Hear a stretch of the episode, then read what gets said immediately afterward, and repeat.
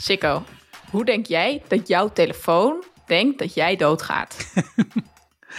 ik, ik ga eigenlijk uit van een heel erg lullig ongeluk. Een lullig ongeluk? Ja. ja. Wat voor? Nou, ongelukken zitten echt gewoon in een klein hoekje. Dus gewoon echt... Dat Van je de traplazer of zo? Ja, ergens over uitgeleid of zoiets stoms. Kinderspeelgoed ik heb ook vaak, uh, zeg maar, ik, ik ben niet gelovig en ik ga er ook niet vanuit dat ik ooit bij de Hemelpoort kom. Maar als ik daar dan kom en ik heb de optie om te kijken ook op welke manier ik allemaal al bijna dood was gegaan in mijn leven, dan zou ik dat knopje sowieso aanzetten. Dat ik me zo als een soort van leuke compilatie. Zo van, ja, funny, zo van al die keer dat je eigenlijk vlak naast een tijger stond in een oerwoud of dat soort shit. Dat lijkt echt hilarisch. Ja, nee, heel goed. Oké. Weet jij, heb jij een idee? Ik denk dat mijn telefoon denkt dat ik doodga aan een overdosis van de Dodo-filmpjes of zo. Dat ik dan een keertje stik in mijn eigen tranen of zo van ontroering. Over een of andere puppy die gered is door een tijger en een olifant samen of zo. Dat denk je, je gaat dood aan emotie. Ja, dat denk ik. Dit is de Vierkante Ogen Show, de popcultuurpodcast van dag en nacht. En vandaag praten Sikko en ik, Anna Luna, over Don't Look Up. Een razendsnelle film waarin de grappen je om de oren vliegen. Hij staat sinds 29 december online en stond wekenlang in de top 10 van de meest bekeken Netflix-films. Als je hem nog niet gezien hebt, dit is je spoiler warner. Warning. Als je hem al wel gezien hebt, maar dan opfrisser kan gebruiken, hier komt onze plotsamenvatting. PhD Kate Dibiaski ontdekt een komeet en de onderzoeksgroep is blij, blij, blij. Tot ze berekenen dat hij precies op de aarde afstevend en daar over zes maanden zal inslaan. Om het naderende onheil af te wenden, zoeken Dibiaski en Mindy de hulp van politiek en media, maar dat lijkt risky business. Dibiaski is niet erg mediageniek en Mindy kan het juist net iets te goed vinden met presentatrice Evan T. Al snel is hij drukker met rampentampen dan met de naderende ramp. President Orleans, Orlean wil eerst niet helpen, want de midterms komen eraan. Maar in een poging daar populariteit op te krikken gaat ze dan toch overstag. En even lijkt alles goed te komen, maar nee, toch niet. Want CEO Peter Isherwell stelt voor de komeet te gebruiken voor het delven van zeldzame grondstoffen. Wetenschap legt het af tegen hebzucht, ijdelheid en onwetendheid. Uiteraard mislukt de missie en werkelijk iedereen gaat dood. Nou, iedereen. Oké, niet de rijken. De rich and famous. De machtigen. Ja, man. Ja, wanneer heb jij deze film gezien, Sikko? Uh, ja, in de kerstvakantie. Echt vrij snel nadat hij erop stond. En uh, nog net iets voor dan uh, dat iedereen er een mening over had. Dus mm -hmm. ik, ik mag En het was zo, zoiets van, nou, grappig. Leonardo DiCaprio, ik zet het eens aan. En toen kwam de hele credit zo van wie er allemaal in zaten. En ook wie hem had gemaakt, Adam McKay. Dat is echt mm -hmm. een, wel een favoriete regisseur van mij. Dus dacht Die is zo, ook van Succession, toch? Die kennen we daarvan. Kennen we hem daarvan? Ik ken ik hem ken, daarvan. Ik ken hem, voor, ja, ik ken hem voornamelijk van Vice en van hmm. uh, The Big Short. En eigenlijk nog veel langer geleden dan dat Anchorman. Oh. dat is ook heel dat is ook van hem. Uh, ja. Maar uh, ja, Vice is een film die ik twee keer in de bios had gezien. Dus ik kwam de, dit kwam voorbij en toen dacht ik, oh, oké, okay, nou weet je wat, we gaan even popcorn maken. Meteen doen. Ja. Ja, ja ik heb hem ook echt uh, in de eerste week of zo gezien. Ja, ook een beetje zo. Ik was eigenlijk net op het moment dat ik dacht, de hype is te groot. Ik heb geen zin om hem te kijken. Maar toen heb ik het toch gedaan. En daar was ik wel blij mee. Ja. Maar jij was echt meteen ook heel erg op de hype. Ik weet nog dat jij meteen appte van, dit moeten we doen. Dit is fantastisch. Ik vond dit zo'n leuke film. Ja, ik heb er echt enorm van genoten. En het is natuurlijk een beetje, uh, ja, onapologetisch, gewoon on the nose en, uh, en heel hard. Maar het is ook, ik, ik vind het grappig gewoon echt, echt heel erg leuk. En ik vind de dialogen heel erg leuk. En wat erin zit is, ja, het wordt natuurlijk al heel erg overtrokken, maar op een andere manier is het wel dat als je naar de televisie zit te kijken, heb je soms ook het gevoel van, Jezus Christus, zijn jullie allemaal helemaal totaal achterlijk of zo? Nee, zeker. En, naar de gewone televisie bedoel je? Ja, en ik heb sinds, uh, uh, zeker sinds de verkiezingen van Trump en uh, ook de, zeg maar, de, de insurrection van een jaar geleden, heb ik ook weer een beetje een verslaving aan CNN. Mm -hmm. En zit je ook af en toe naar te kijken en denk je, van, sorry joh, maar is, is, is dat hele land gevuld met totale debielen of zo? Maar jij zit er nu, je hebt een, een pijlstok, een thermometer voor de maatschappij. Ja. Wonen er alleen maar debielen in de VS? Uh, nee, maar ik woon in Californië. En dat is natuurlijk een hele linkse staat, relatief. Um, maar goed, ja, ook daar heb je wel echt dat je af en toe denkt: wat is nou werkelijkheid en, en wat is nou fictie? Want dat loopt echt allemaal af en toe wel door elkaar. In uh, bijvoorbeeld de macht die influencers hebben en de manier waarop die omgaan met de media. Maar ja, ook met politiek inderdaad, dat je het nieuws volgt en kijkt, oh ja, er worden nu weer voters los uh, gemaakt om te zorgen Ja. dat mensen niet kunnen stemmen. Ehm, er zijn republikeinse senatoren die dan in de media heel positief doen over iets en zeggen, oh dat moeten we echt doen, maar vervolgens tegen een wet stemmen. Dus een heel ander beeld geven aan hun kiezers dan ze daadwerkelijk doen. Dus dat soort ehm, dingen spelen hier wel heel erg en dat is nog veel scherper of, of opvallender dan in Nederland, denk ik. Ja. ja, eigenlijk is het gewoon naar en oppervlakkig. Maar deze film die maakt dat dus heel erg nog oppervlakkiger. Ja. En ja, dat vind ik dus heel erg grappig. Ja, En het is wel fijner misschien als dat gaat over iets wat, eh, eh, wat, eh, wat in het verleden ligt. Of hè, wat, waar we voorbij zijn. of, of iets wat totaal fictief is. En dat is het natuurlijk nu niet. Ja, het is natuurlijk wel fictief. Maar het is in zekere zin natuurlijk vrij duidelijk waar dit over gaat. Nee. Als het namelijk niet over klimaatverandering gaat, dan gaat het wel over de pandemie. Ehm, dat ligt er vrij dik bovenop. En dat, ik kan me voorstellen dat je dat vervelend vindt. Maar ja, ik had echt zoiets van, nou, dat is een soort ja, catharsis van, ja, inderdaad. Het is ook allemaal goed kut. Laat maar even komen. Ja, nou ja, maar dat is wel grappig dat je het woord catharsis gebruikt. Want ik had wel vooral eigenlijk op het moment dat ik de film, dat die echt afgelopen was, dat ik dacht, nou, mijn overheersende emotie was eigenlijk, oh, ik ben echt zo blij dat ik geen kinderen heb. Ja, Ja, ik ben ook heel blij dat ik naar nu mij hier aan? alleen Ik maar met jou aan. zit en niet ook nog met Sander en met Esther. Durf het nu iets eh, beter op tafel te leggen. Maar ja, Ja. ik, ik vond het echt heel deprimerend ook. Dat was bij mij het eerste gevoel wat overheerste na afloop. Terwijl ik de hele film lang heel veel gelachen heb. Ik vond het ook echt heel grappig. Echt vaak hardop moeten lachen. En ik heb er ook nog wel vaak aan teruggedacht van... oh ja, dit was ook een grappig momentje en dit was grappig. Maar ja, ik vond het ook echt heel deprimerend. ja. Eh, ja, als je kinderen hebt, dan, eh, dan heb je ergens in je hoofd een soort heel klein loopje zitten. Dat elke keer als je gaat nadenken over eh, in wat voor wereld zij eh, zullen gaan leven, dan wil je dan misschien soms wel even heel snel weer stoppen om daarover na te denken en terug naar start. Ja, Want, dan zet je ja. gewoon weer de office aan of zo. Ja. Ja. Ja, en eh, of, dan geniet je in ieder geval van maar de tijd die we samen hebben zonder dat er een, eh, een raging pandemic of een eh, totale sneeuwstorm of eh, tornado door, eh, door het land trekt. ja. Want dat is Oh. natuurlijk ook wel de vraag die het oproept. Van, nou ja, eh, dat, dat is een van die momenten uit die film die volgens mij ook veel mensen heel erg, eh, heel erg voelden gewoon in hun buik. Mhm. Eh, dat een daarvan in ieder geval is dat, dat hij zegt, we, we nearly had it all, didn't we? Mhm. Zo van, jezus jongens, we, we hadden toch eigenlijk alles al. Was Ja. dan al die hebzucht, hè, want dat is natuurlijk wel een vrij groot onderdeel van de problematiek die in de wereld speelt nu. Eh, waar, waar was die hebzucht eigenlijk nou voor nodig? En wie heeft die hebzucht nou wat gebracht? Niet zoveel mensen. En in dit geval dus helemaal niemand. Zeg maar op, op dan een paar eh Bronterock bezoekende eh, naakte mensen na. Mhm. En dat, dat is wel iets wat er wel hard in hakt eigenlijk, als je er nog eens op terugdenkt. Nee, zeker. En eh, ja, nee, absoluut. Treurig. Daarom vond ik het dus ook echt wel deprimerend. Ja, Maar om de deprimerende inhoud een klein beetje te verlichten, kunnen we misschien even een rondje doen met onze favoriete scènes, zodat ik niet vroegtijdig sterf in mijn tranen en emoties. nou vertel, wat vond je leuk?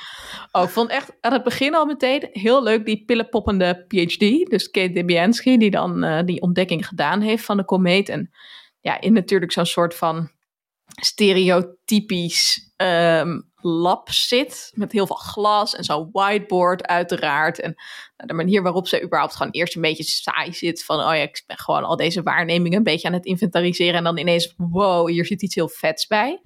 Ja, En dat het ook allemaal vrij leuk is, leuk is, leuk is, tot ze die berekeningen doen. En dan een heel groot deel van de mensen ook nog niet doorheeft hoe erg het eigenlijk is. Maar Ja. zij en meneer Mindy wel.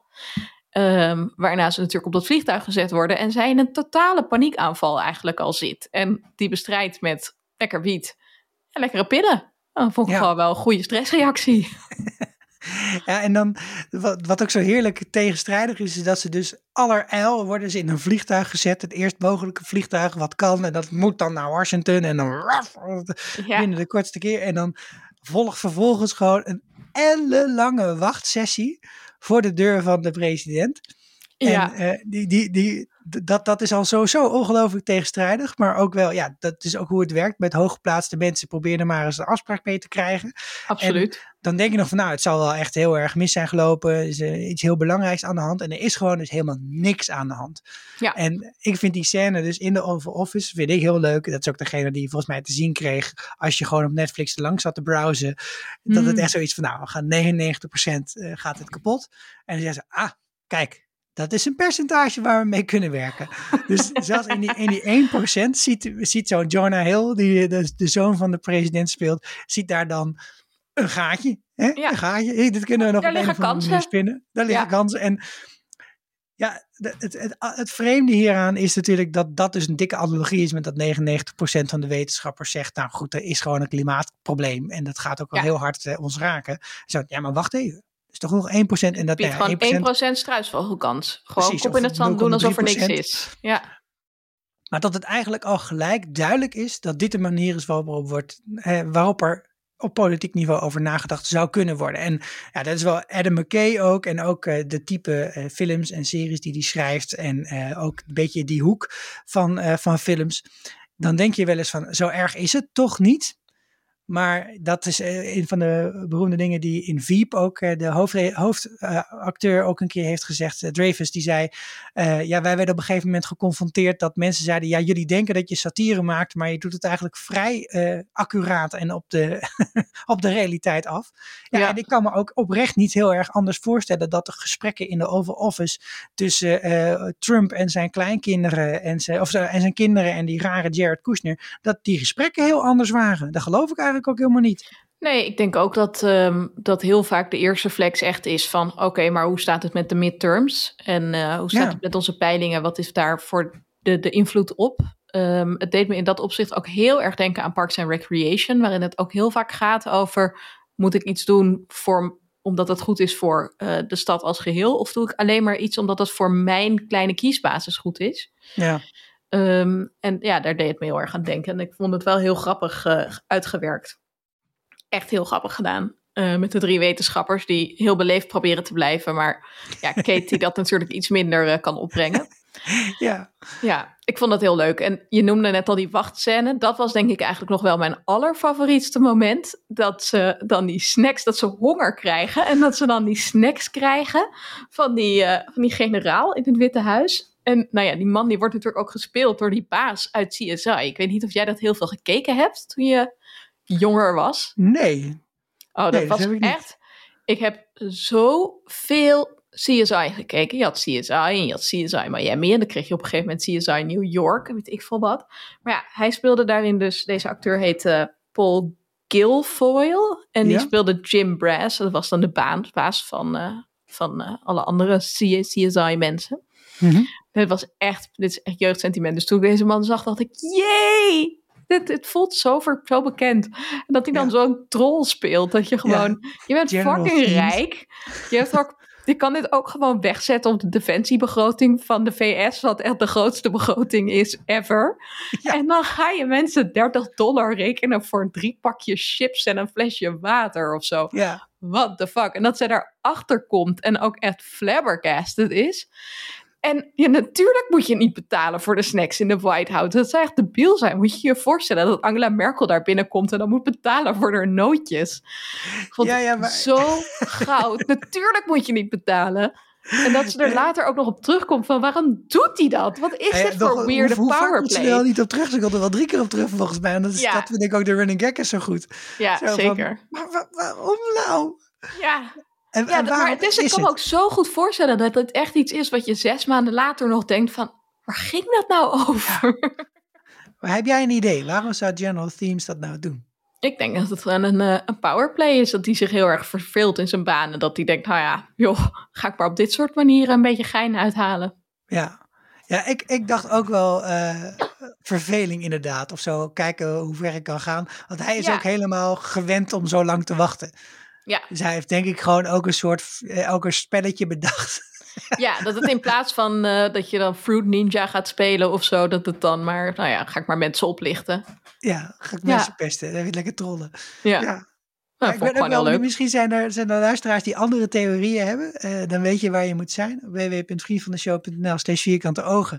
Laat dan even een berichtje of een eh getypt berichtje, audioberichtje achter met jouw theorie waarom, je- waarom je dit heeft gedaan. Want ik ben op zich nog steeds wel heel benieuwd of er andere theorieën over bestaan. Ja, zeker. Laat het, eh, laat het ons weten. Ja, Andere favoriete scènes, Sikko? Je hebt er vast nog wel meer. Nou kijk, die eh Dr. Mindy die gaat op een gegeven moment, zoals jij het al zei, aan het rampentampen en hem met de ramp aan de hand. En ehm, ja, dat, dat loopt gewoon zo klassiek uit de hand. En eh, de, de- hij, eh, dus hij belt zijn vrouw niet meer terug. En die denkt op een gegeven moment ook van, hallo, is die dude? En die, die confronteert hem en die Brie dan. En dat zij ook zo van, oké, nou, hè, oké, hij is vreemd gegaan. Niet janken. Hè, dat, dus zij Ja, heeft dat blijkbaar al, Brie F&T bedoel je? ja, die heeft dat dan Ja. blijkbaar al duizend keer meegemaakt. Ja. Dus die is not impressed at all. En die ja, zegt heel van, nou, grappig. Zullen we dan nu gewoon even gelijk langs de verontwaardiging en gewoon even, hey, ga je, wat ga je doen? Ga je weg of blijf je? Nee, oké, nou, afgerond. en, en dat zij ook een soort van, hè, dat zijn vrouw, Mrs. Mhm. Mindy, eh, ik weet niet of we haar naam nog leren ergens, maar die, die zegt dan, nou oké, eh, ik zie je wel weer. Ja, die- en die- hier die- zijn al ja. je pillen. Hier zijn Dat ik pillen, want hij heel is, ja, grappig. hij, is helemaal, hij is helemaal gek verder, maar Ja. dag. Ja, Dat- succes.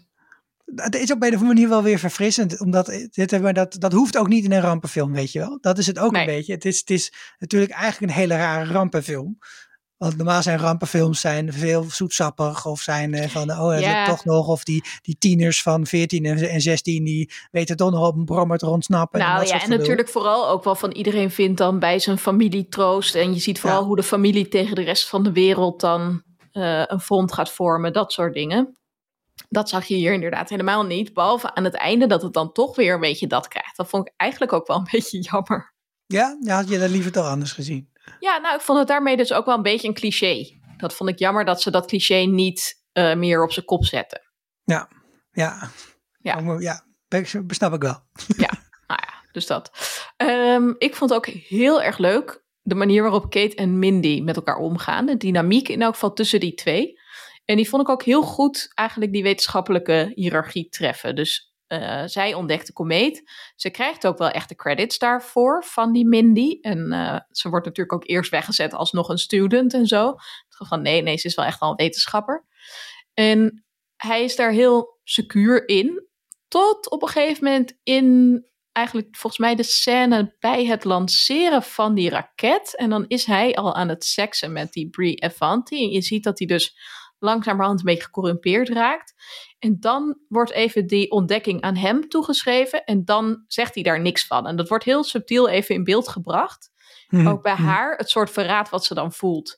En dat Ja. is dus heel mooi onderdeel van zijn soort morele verval. En dat hij dus zo verleid wordt door de macht. En dat Ja. vond ik een heel goed, subtiel momentje. Waarin je even bij haar echt die verontwaardiging ziet van... Dude, what the fuck. En ook heel mooi dat het, hij begint echt met goede intenties. En dat vind ik wel echt goed gedaan aan hoe ze dit personage hebben neergezet. Ja. ja, en voor de, zeg maar, de academici onder ons, dat zijn wij, wij twee dan in ieder geval. Ik, ik ben het geweest, maar, eh, Voor al deze 100% academici aan tafel. Ja. maar is het ook, zijn, er zitten er zoveel hele herkenbare dingen in. En Ja. die, zijn, die zijn ook niet eens heel erg overdreven. Dat, dat hoeft dus ook niet eens om het ge- geloofwaardig te maken. Dus natuurlijk begin je al met dat zij ja, toch redelijk verveeld eigenlijk. Als een soort van, eh, eh, ja, ze zit op zo on duty, zit zijn een beetje die, die hemel af te scannen naar iets totaal anders. Hè, en vindt iets, eh, serendipiteit, vindt iets wat ze eigenlijk niet naar zocht. En eh zit dan echt denken, nee joh, gek, nee, dat is het niet. Dus dat stuk verwondering, verbazing, verrassing en ook die eh, ontlading die je hebt. eh, ja, soms komt dat in films niet helemaal over, maar hier komt wel heel duidelijk uit de verf dat ze zich gewoon heel duidelijk iets heel saais aan het doen is. Ja, Ja. en zo heb ik in ieder geval zelf ook uren doorgebracht in een hokje meting aan het doen, waarvan echt gewoon hooguit 1% van de dag echt iets opleverde waarvan ik dacht, nou, hè, fijn. Ja. En de rest was allemaal gewoon werk en ook best wel Gewoon saai en gemis. herhaling. En ja, nee, inderdaad. Ja. En, en dat het dan dat verdere proces ook ingaat en dat er steeds ook weer van die, van die tropes voorbij komen. Dus heel typerend is ook dat, dat zij komen dan niet van een eh, Ivy League University, maar van Mhm. Michigan State of zoiets. Ja. En dan, dan wordt het van, oh, oh, Oh, Nee, maar we gaan het eerst even navragen bij Harvard. Even, even vragen Ja. aan Harvard. Ja, want bij Harvard hebben ze ook precies die telescoop. Nee, kijken ze naar die kant op de, op de, op En uiteindelijk levert dat natuurlijk van alles op. En ik vond ook heel goed de manier waarop die eh, verstrengeling van wetenschap en industrie wordt neergezet. Dat dat dus eerst wel als iets redelijk positiefs, maar dat dan later, wanneer dus de wetenschappers die ook voor de industrie werken, te openlijk zeggen: nee, dit werkt niet zo, meneer Pieter Isherwood. Dan worden ze natuurlijk gewoon ontslagen. En dan blijkt dat al die dingen niet in peer review worden waargemaakt. Ja, eh, die Pieter Isherwood luistert dan niet meer. Dus als je te vroeg daar je macht weggeeft als wetenschapper, dan zit je daarna met de gebakken peren. En dat vond ik ook heel, heel goed gedaan. Ja, Ja. ja. en, en de andere vermenging zit natuurlijk heel erg in de baas van NASA, die dan niet iemand is die überhaupt iets weet van astronomie. Dat vond Maar ik dat zo is grappig. Een superdonor. Het was echt heel grappig hoe ze dan gaan haten ook van, oh, but she's a biologist of zo. Dat is echt, Ja. ja, ja, ja. Er wordt Ja, gewoon best wel door veel mensen een beetje neergekeken op biologen, toch? Ik zou niet weten wie dat zijn. Maar eh, Herkent je niet in het geschetste beeld. nee, nee, nee. Maar de- heel veel van die subtiliteiten die kloppen ook wel echt. En, en dit soort dingen heb je gewoon als onderzoeker wel eens gehoord. Gewoon dat je echt iets, iemand iets publiceert. Oh ja, maar dat is van de een of andere loser universiteit. Dus laat maar lopen. Of, Precies, eh, de, de, daar hoeven we niks mee. Ja, en, en ook het gevaar in iets proberen uit te leggen met veel te moeilijke woorden. Dat is ook weer zo'n hele typische. Dat je ook wel denkt, ja, maar waarom zijn andere mensen nou gewoon niet iets slimmer? Dan kunnen ze het beter begrijpen. Dat, dat, dat, soort, dat, dat soort dynamiek Ja. zit er ook heel erg in. Ja, Dus ik, wat dat betreft denk ik dat veel, dat op dit vlak, we komen straks nog wel even op de klimaatwetenschap denk ik, maar dat gewoon überhaupt als je een onderzoeker bent, dan herken je gewoon heel veel van dit soort dingen en het is wel gewoon vrij reëel. zeker. Hey, we komen nu eigenlijk al wel langzamerhand ook een beetje bij die dynamiek met de media. Dat vond ik ook echt heel goed gedaan in de film. Dat je, je hebt natuurlijk politiek, wetenschap en media speelt ook echt een hele grote rol. Ja. Volgens mij heb jij daar ook iets over wat je net iets minder goed vond. Ehm, nou ja, dan komen we een beetje op het. Ze kiezen ervoor, wat Mhm. ik op zich wel oké vind, om gewoon zowel Mindy als Kate een keer helemaal zo'n meltdown te laten hebben. Eh, on-screen of on-air. En ik vond gewoon de keuze dat ze haar dat als eerste lieten gebeuren. Ik vond dat zelf eigenlijk niet zo leuk geschreven. Ik had dat misschien juist wel andersom gedaan. Mhm. Dat, de, de, ik weet ook niet of het helemaal bij de karakter paste. Juist omdat ze juist eh, misschien er al wel een beetje overheen was. Maar het ging ook zo helemaal in overdrive. Hmm. Dat ik dacht, dat, ik weet niet of mensen dat. Ik heb dat nog, eigenlijk nog nooit echt gezien op televisie. Dat iemand zich zo liet gaan. Het ging zo Dus ik- snel, ja. Ja, ik, dus ik vond het een beetje, ik vond het niet een beetje overdreven. Ik vond het heel erg overdreven. En wat er wel weer reëel aan is, is dat je gewoon kunt hebben dat je denkt, nou, ik heb een ontdekking. En dan zegt iemand, ja, je moet gewoon naar de grootste morning show. En dan hou je gewoon helemaal geen rekening met wat voor show dat is. En Ja. dit is dan typisch zo'n show van, we houden het leuk en luchtig. Hè? Ook bloedvervelend, maar goed, het zal. Maar dat is dus dan ook echt een hele slechte keuze. Dat vind ik dan wel weer goed aan deze scène. Want Ja. dit, dat is wel reëel. Van nou, laten we het een beetje leuk houden. Maar dit, eh, nee, ik, ik voelde dit gewoon niet zo. Ik vond het echt Oh ja. ver gaan. Ik had wel, ik denk dat je heel snel als eh, gast in zo'n show meegaat in eigenlijk de toon die daar gezet wordt. En dat je ook best wel, mensen doen toch vaak gewoon echt wel snel wat er een beetje van ze verwacht wordt, ongeschreven of geschreven. Dus in dat opzicht kan ik me heel goed voorstellen dat je eh, bij zo'n show niet zo'n meltdown hebt. Maar ik vond het eigenlijk ook wel weer sterk, omdat zij wel ook al de hele voor verdere film, of dat daarvoor zit, al wordt neergezet als iemand die gewoon best wel een beetje lak heeft aan de regels. Dat heeft ze ook al in dat Oval Office. Ehm, we zien ook dat ze nog even een pilletje popt. Dus ik vond dat eigenlijk niet zo heel erg. En ik had er ook een discussie nog even over met Esther. Over of de vrouwen in de film er gewoon een beetje bekaaid vanaf komen. Omdat ze zo een beetje hysterisch en, en instabiel worden neergezet. Maar ik vond het dus ook wel weer sterk dat het laat zien hoe vrouwen worden neergezet in de media. Dus Ja. dat ook haar meltdown niet wordt neergezet als... ja, maar wacht even, ze heeft ook wel een punt... want we gaan ook allemaal naar de tering. Ja, Ehm, maar wordt neergezet als... oh ja, deze chick die gek is, die heb ik gedate. En dat zie ik ook zo voor me... dat er meteen Oh, op ja. Zo'n Oh, artikel oh. staat... van die ontzettende loser van een vriendje van haar. Dus dat vond ik eigenlijk ook wel weer goed. Ja. neemt gewoon alles zo op de hak. weet je, mi- misschien is het ook gewoon dat ik het, dat dit vond ik niet leuk. Maar misschien is het Ja. wel goed. Ja, nee, dat snap ik wel. Het was wel echt vervelend, ja. Ja, Ja, toch? ja. Wat ik echt een heel leuk eh, personage vond, was uh, Brie Avanti. Die natuurlijk gespeeld werd door Kate Blanchett. En gewoon Ja, nou, dat duurde mij wel even was. voordat ik dat door had hoor. Het is weird, hè? Ja, Ja. daar heb je net een hele trilogie over Lotter opgenomen. Maar ik zat echt... ik heb ook tegen Oh, mijn wacht. vriend gezegd: hey, die vrouw lijkt op Kate Blanchett. En toen was ze: oh, oh, wacht. Ja, het is wel echt zo. Dit is een, een persoon die lijkt op Kate Blanchett. Het is, ja, het is er gewoon niet. Ik geloof het niet. nee. Het is een En, clone. en, en wat is het dan dat je het niet gelooft? Eh, Op welke manier herkende je haar niet? Ze heeft valse tanden gekregen, volgens mij. Oh, kijk. kijk en dat kijk. maakt het wel echt heel weird. En eh, ze, heeft ook, ze is echt heel erg geairbrushed, denk ik. Maar ik had trouwens hetzelfde bij die Pete Isherwood. Dat ik echt dacht, nou, dit is gewoon een, een CGI die ze hierin hebben gezet. Die is ook zo over de top strak getrokken en raar. Dat rare stemmetje ook en zo. Ja, Dus dat, eh, dat vond ik heel intrigerend. Wat ik dus heel erg leuk vond aan, eh, aan haar personage is dat je het idee hebt van, oh, dit is echt zo'n leeghoofd in zo'n talkshow. En ze Hm. wil het alleen maar luchtig houden en grappig. Maar dat dan later in de film blijkt dat ze dus heel veel verschillende talen spreekt en ook verschillende master's degrees heeft en dat soort dingen. En nou ja, dat laat, dat laat gewoon heel goed zien hoe funest het is aan al die kanten als journalisten zo voor de kliks expres mee gaan lullen met de domheid. En het deed mij heel erg denken aan een personage uit Parks and Recreation.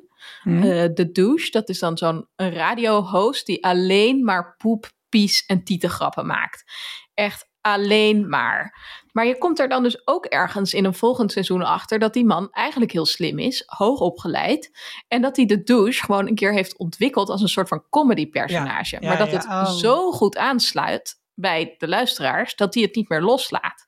nee. En nou ja, daar krijgt het niet zo heel veel repercussies, want dat is echt een comedy-serie. En hier krijg je uiteindelijk natuurlijk wel van ja, dat heeft echt heel duidelijk effect ehm, op hoe de politiek hier bedreven wordt. Ja. En hoe mensen kijken naar deze belangrijke ontdekkingen, weet ik veel wat.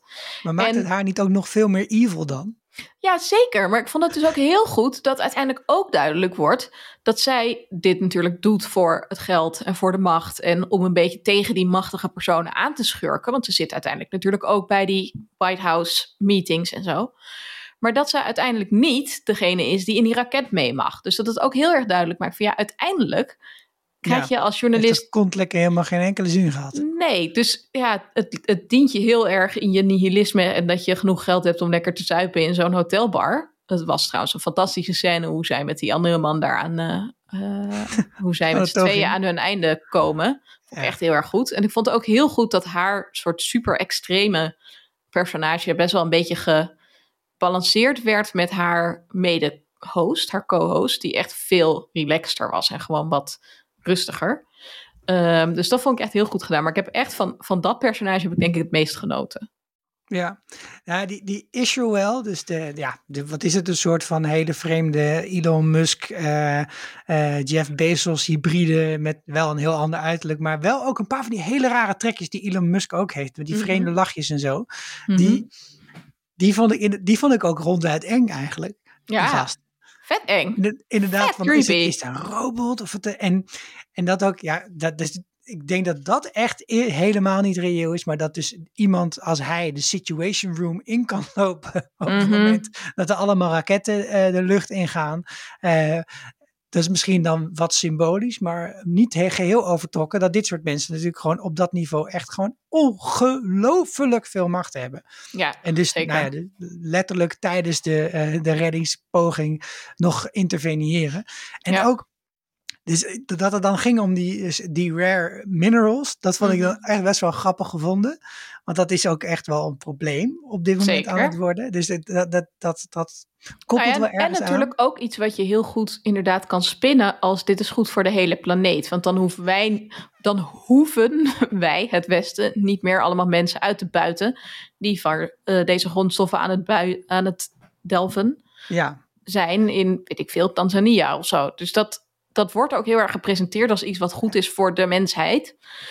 En wat dat natuurlijk helemaal niet, dat is niet waar het om gaat. Het gaat Nee. deze man gewoon om zijn eigen bedrijf. Ja. En ik vond het ook heel goed dat hij trekjes had van en Mark Zuckerberg en Oh, Elon Musk ja, ja. en Jeff Bezos. Het was echt zo de evil three. Dat was echt de heilige drie-eenheid van de wicked, wicked man.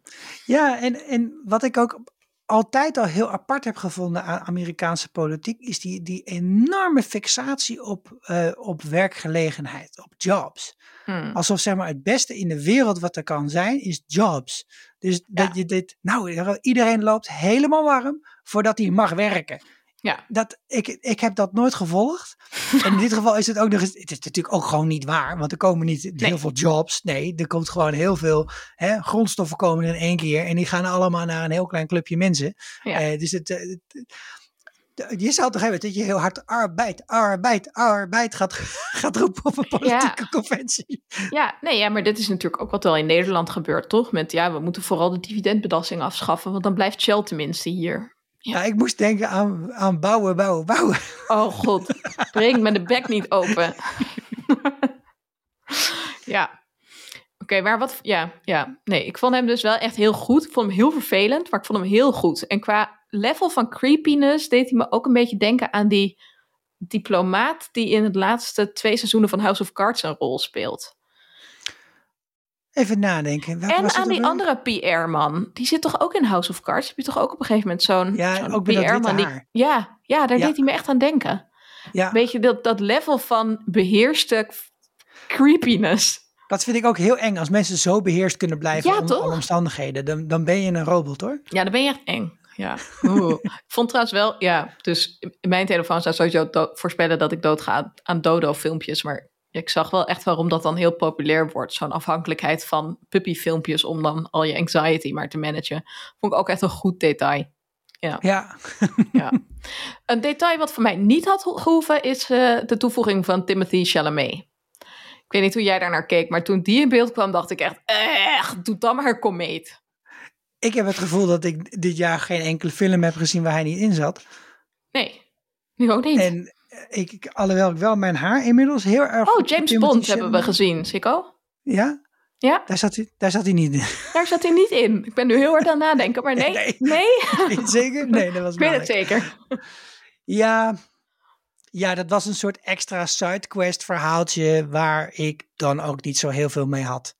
En ook, ja, dit, als hij binnenkomt in die supermarkt, dan heb ik ook niet het gevoel dat er een ander personage binnenkomt. Dan heb ik gewoon het gevoel dat Timothy Chalamet binnenkomt. Die een soort van, ook voor deze film nog gestrikt was. En toen zei, ja, dan ben ik wel een skater.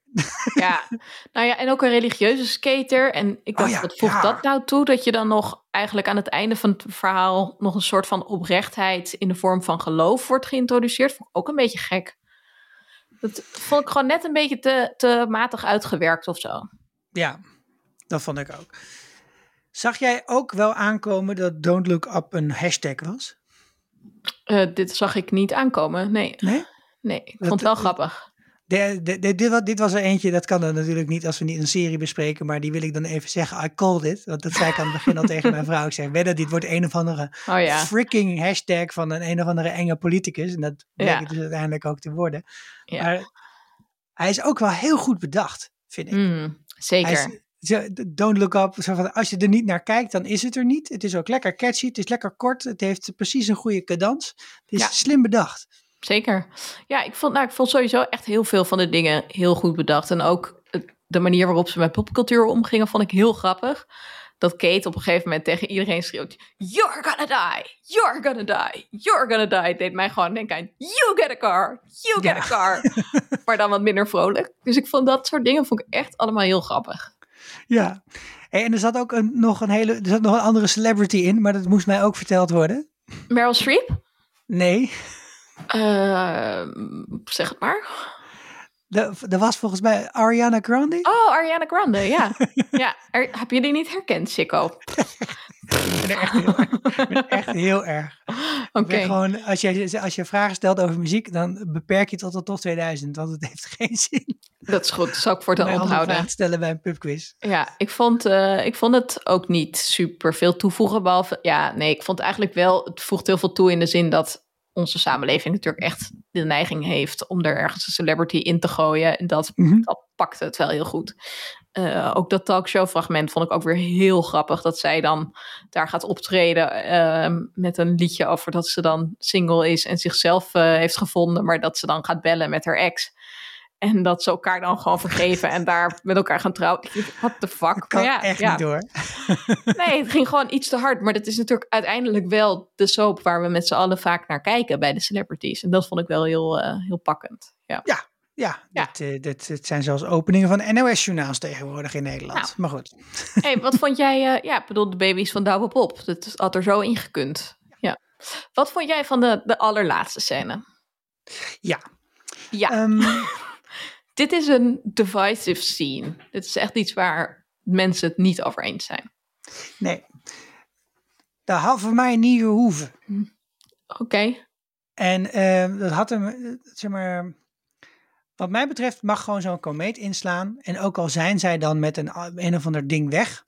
Ja, oké, prima. Dan zijn zij met een ruimteschip weg. En ehm, kijk, de payoff in de vorm van de Bronte Rock vond ik natuurlijk wel echt oprecht hilarisch. Mhm. Echt heel erg leuk. Al die beetje half uitgezakte witte lichamen die zo'n beetje Ja. over een of andere nieuwe avatarplaneet lopen. En dan is er een halve soort griffioen die iemand helemaal kapot hakt. Dat vind ik natuurlijk wel grappig. Ja. Maar ja, dit is... ehm Adam McKay heeft het ook wel eens eerder iets vergelijkbaars gedaan, namelijk in Vice, dat hij halverwege de film doet alsof de film afgelopen is. En dat vond ik heel sterk, echt heel Mhm. erg grappig. Ehm, maar hier had ik zoiets, dit kun je best wel aan de imagination overlaten of zoiets. Het was ook qua CGI net op het randje van oké of net ernaast. Dus, en, en ook, ja, ook dan als het zo was, niet echt heel geloofwaardig dat zo'n schip door zoveel ruimtepuin heen. Dan denk ik, daar, daar Ja. zijn gewoon wat corners gekut. Ja. Het, het was hem net niet voor mij. Nee, ik vond het wel. Het was inderdaad grappig met die Brontosaurus, maar ik vond eigenlijk Bronto wat? Bronto. Ja, Nou, Bronto dus niet, en ja, niet een eh, echte dino, maar goed. Ehm, ik vond het een leuk bruggetje naar Jurassic World Dominion. Dat dan weer wel. nee, ik vond het. Ik had het ook heel grappig gevonden als je niet had geweten aan het eind van de film wat een Bronto-rock was. En dat Ja. dat dan gewoon een soort van raadsel is waar je over kan blijven speculeren. Dat had ik heel erg leuk gevonden. Ik moet wel zeggen, de tramstamp van Meryl Streep was chef's kiss. Echt. Ja. Dat was zo'n leuk extra detail. Dus wel, ik krijg het nooit meer van mijn netvlies. Maar wel van genoten. Ja. Ja. ja. Die keuze had ik niet gemaakt als regisseur, maar het was zo. Er zit ook nog een scène achteraan, hè? Wat, die heb ik dan gemist, denk ik. Ja, daar, kwam ik ook later stiekem eh, pas achter. Want dat is eens vervelend aan, aan Netflix. Die, die Ja, gelijk gaat dan meteen door, hè? Ja. Maar er, er is een post-credit scene. oh, En eh, dat is een post-credit scene. Als je die dus nog niet hebt gezien, dan misschien moet je hem nu even stopzetten. de podcast. En nu gaan we weer door. Want dan komt Jonah Hill. Die komt nog uit het puin naar boven. En het eerste wat hij doet is proberen, zeg maar, de social media aan de te krijgen. en dat was natuurlijk ergens wel weer geinig. Ook een beetje typisch weer zo'n Trump-achtig grapje van... ja. Everybody forgot about Eric, because nobody gives a shit about Eric. ja. Dat, dat zij hem gewoon achterlaten in dat commando. Ik vond hem ook echt een heel grappig personage. Ik vond hem Ja. heel goed gedaan. Echt, wat een timing heeft deze dude. Ja. Die heeft echt timing. En, en ja, ook, je hebt een aantal van die foto's ook van, uit de film die dan op alle IMDb en zo gebruikt worden. De ene van is dat, dat hij dus als een soort right-hand man met Meryl Streep door de gang loopt. En dan draagt hij ook haar handtasje. Mhm. Maar dan heeft hij ook een bepaald soort pose en een houding. Hij heeft daar ook weer zo heerlijk, eh, ja, heerlijk voor gestudeerd. En dit is ook wel in The Wolf of Wall Street heb je hem natuurlijk ook in zo'n beetje submissive rol. Dat hij helemaal, eh, helemaal lijp is van de loot en weet ik wat niet meer. Dat was natuurlijk al een hele goede lean in. Dat, hij, dat, dat speelde hij zo geniaal. En Mhm. hier, ja, ik weet, ik, zou, ik ga niet beweren dat dit de allerbeste acteerprestatie van Jonah Hill ooit is. Dat is namelijk gewoon Jonah Hill in Superbad. Maar dit was wel heel erg vermakelijk. Het was echt heel leuk. Ja, nee, dat vond ik ook zeker.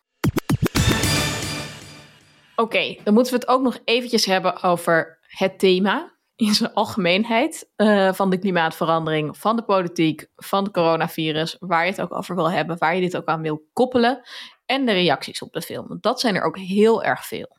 Ja. ja, en dit is een beetje zo'n categorie van... eh, ik heb echt een heleboel vrienden en vriendinnen die die film hebben gekeken... en die gewoon er enorm van genoten hebben... en die van ook dat hele gedeelte niets mee hebben gekregen. Oh, echt? Die hebben niet... Nee, die hebben niet die zure stukken op The Guardian gelezen en die... eh, Oh, die, ik dacht dat je niet hadden meegekregen dat ze dan klimaatverandering Nee, nee, nee. Dat, dat is dus okay. dat is wel vrij helder. dacht jij best wel slimme uh, vrienden, Sikko. Waar gaat dit ja, nou weer over? Nee, nee, dat is echt het probleem niet. Nee, maar uh, wat ik een beetje meekreeg van een paar mensen, die kwamen dan later achter van, die zeiden, ik vond dit gewoon een hele leuke film. En dat is blijkbaar ook weer niet oké. Okay. Oh, Weet ja. je wel? Om de, Ja. En dat er dus een bepaald soort segment uh, van critics, die hadden blijkbaar kerstvakantie. Dus die dachten, nou, uh, die familie die kan me inmiddels ook niet meer bouten. Dus ik ga lekker stukjes, uh, boze stukjes lopen, lopen tikken. En dat er heel veel kritiek kwam in de, in de hoek van, dit helpt niet. Mm. Of uh, dit is te veel on the nose. Of dit is, uh, uh, ja. En dan vonden ze dus specifiek, dit helpt niet, want mensen die bijvoorbeeld nu klimaatontkenner zijn, gaan na het kijken van deze film niet ineens denken, oh, ik ben inderdaad altijd een uh, ontkenner geweest en ik heb altijd ja. mijn kop in het zand gestoken. Maar als ik nu naar boven kijk, dan zie ik heel duidelijk inderdaad dat er wel klimaatverandering is. Dat, ja. ja. Dat is dan een beetje van this isn't helping-achtige ja, situatie. En je maakt eigenlijk zou... die mensen alleen maar heel belachelijk.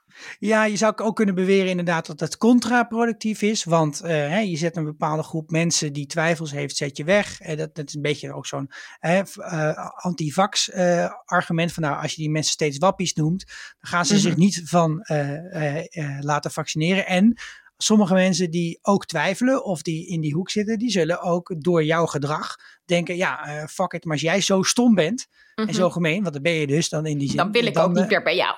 Precies, dan vind ik jou ook geen leuke club meer. Um, dus dat is wel één argument wat vaker terugkwam.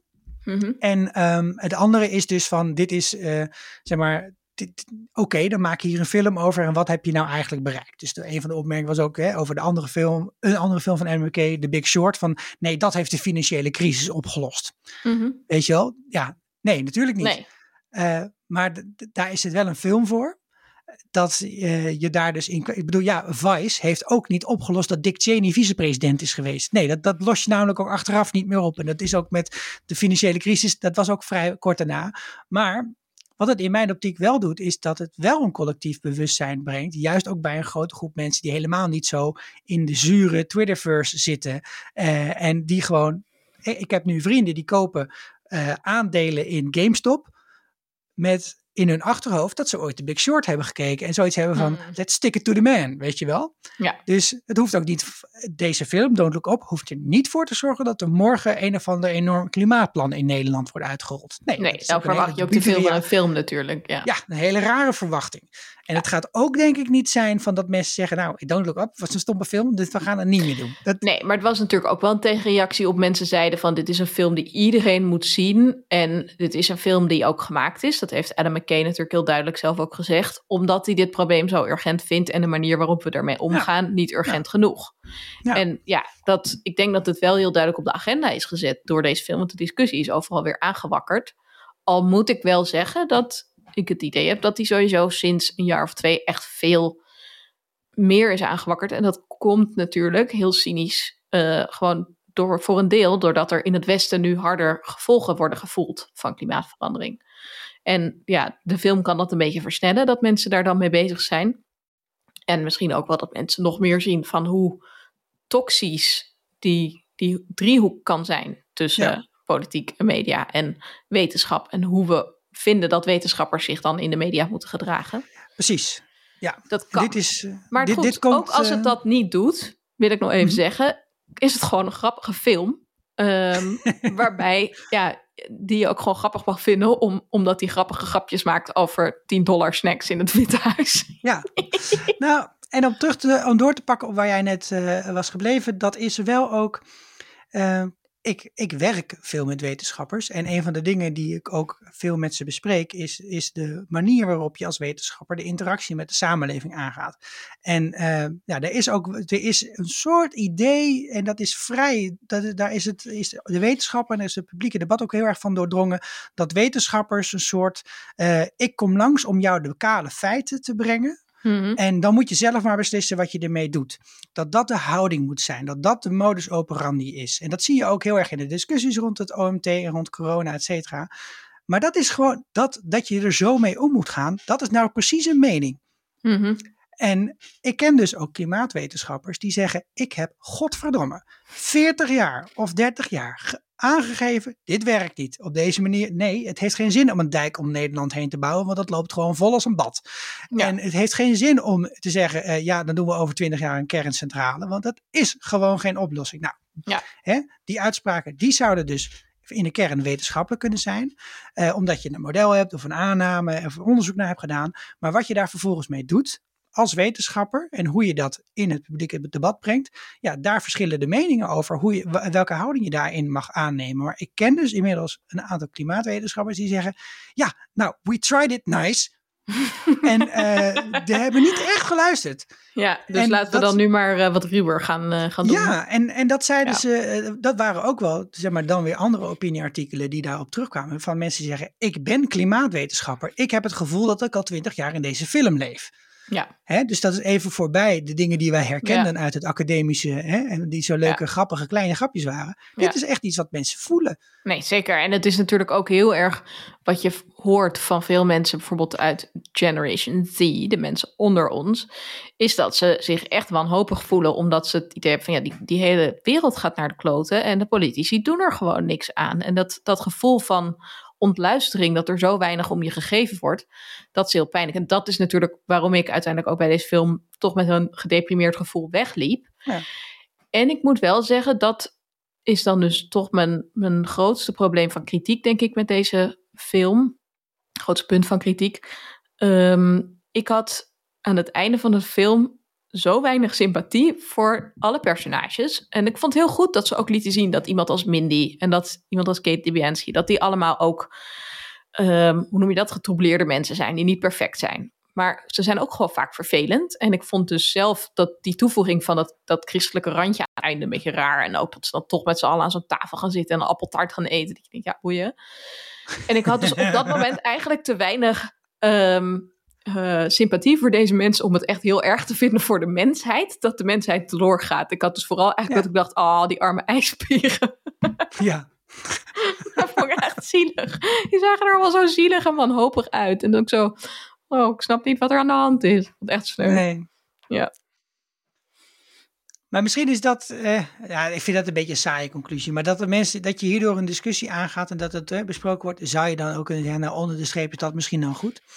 Maar laat ik het, ik zou het anders zeggen. Ik, ik ben er niet van overtuigd dat het feit dat deze film bestaat, dat dat slecht is voor de discussie over klimaatverandering. Dat, dat, oh, dat, denk ik. helemaal Nee, niet. zeker niet. En, en eh, while we're at it, zeg maar, eh, als dit dan onze soort laatste eh, een beetje cynische grap is voordat we met z'n allen de pijp uitgaan, dan vond ik het best een leuke grap. Oké, dat is wel een goede om mee af te sluiten. Daar moeten we dan even nog 10 dollar voor betalen aan de generaal. Dan uh, zijn we er helemaal klaar mee. Oké. Bedankt voor het luisteren naar deze aflevering. Heb jij na het kijken van deze film ook zoveel zin om je even helemaal onder te dompelen in een filmreeks om al je zorgen te vergeten? Kijk dan met ons naar alle Harry Potter of Lord of the Rings films. Gaan ook over klimaatveranderingen. Stiekem wel. Stiekem ja. wel, ja. Uh, kijk anders naar The Office, dat is ook grappig. Uh, we maakten over alle films specials. Je vindt ze op dagenacht.nl slash vierkante ogen of door naar beneden te scrollen in onze feed. Daar vind je ook de Office special of specials over Bridgerton, Sex Education en Marvel films. En dan zien we je de volgende keer weer. Doei! Doei doei!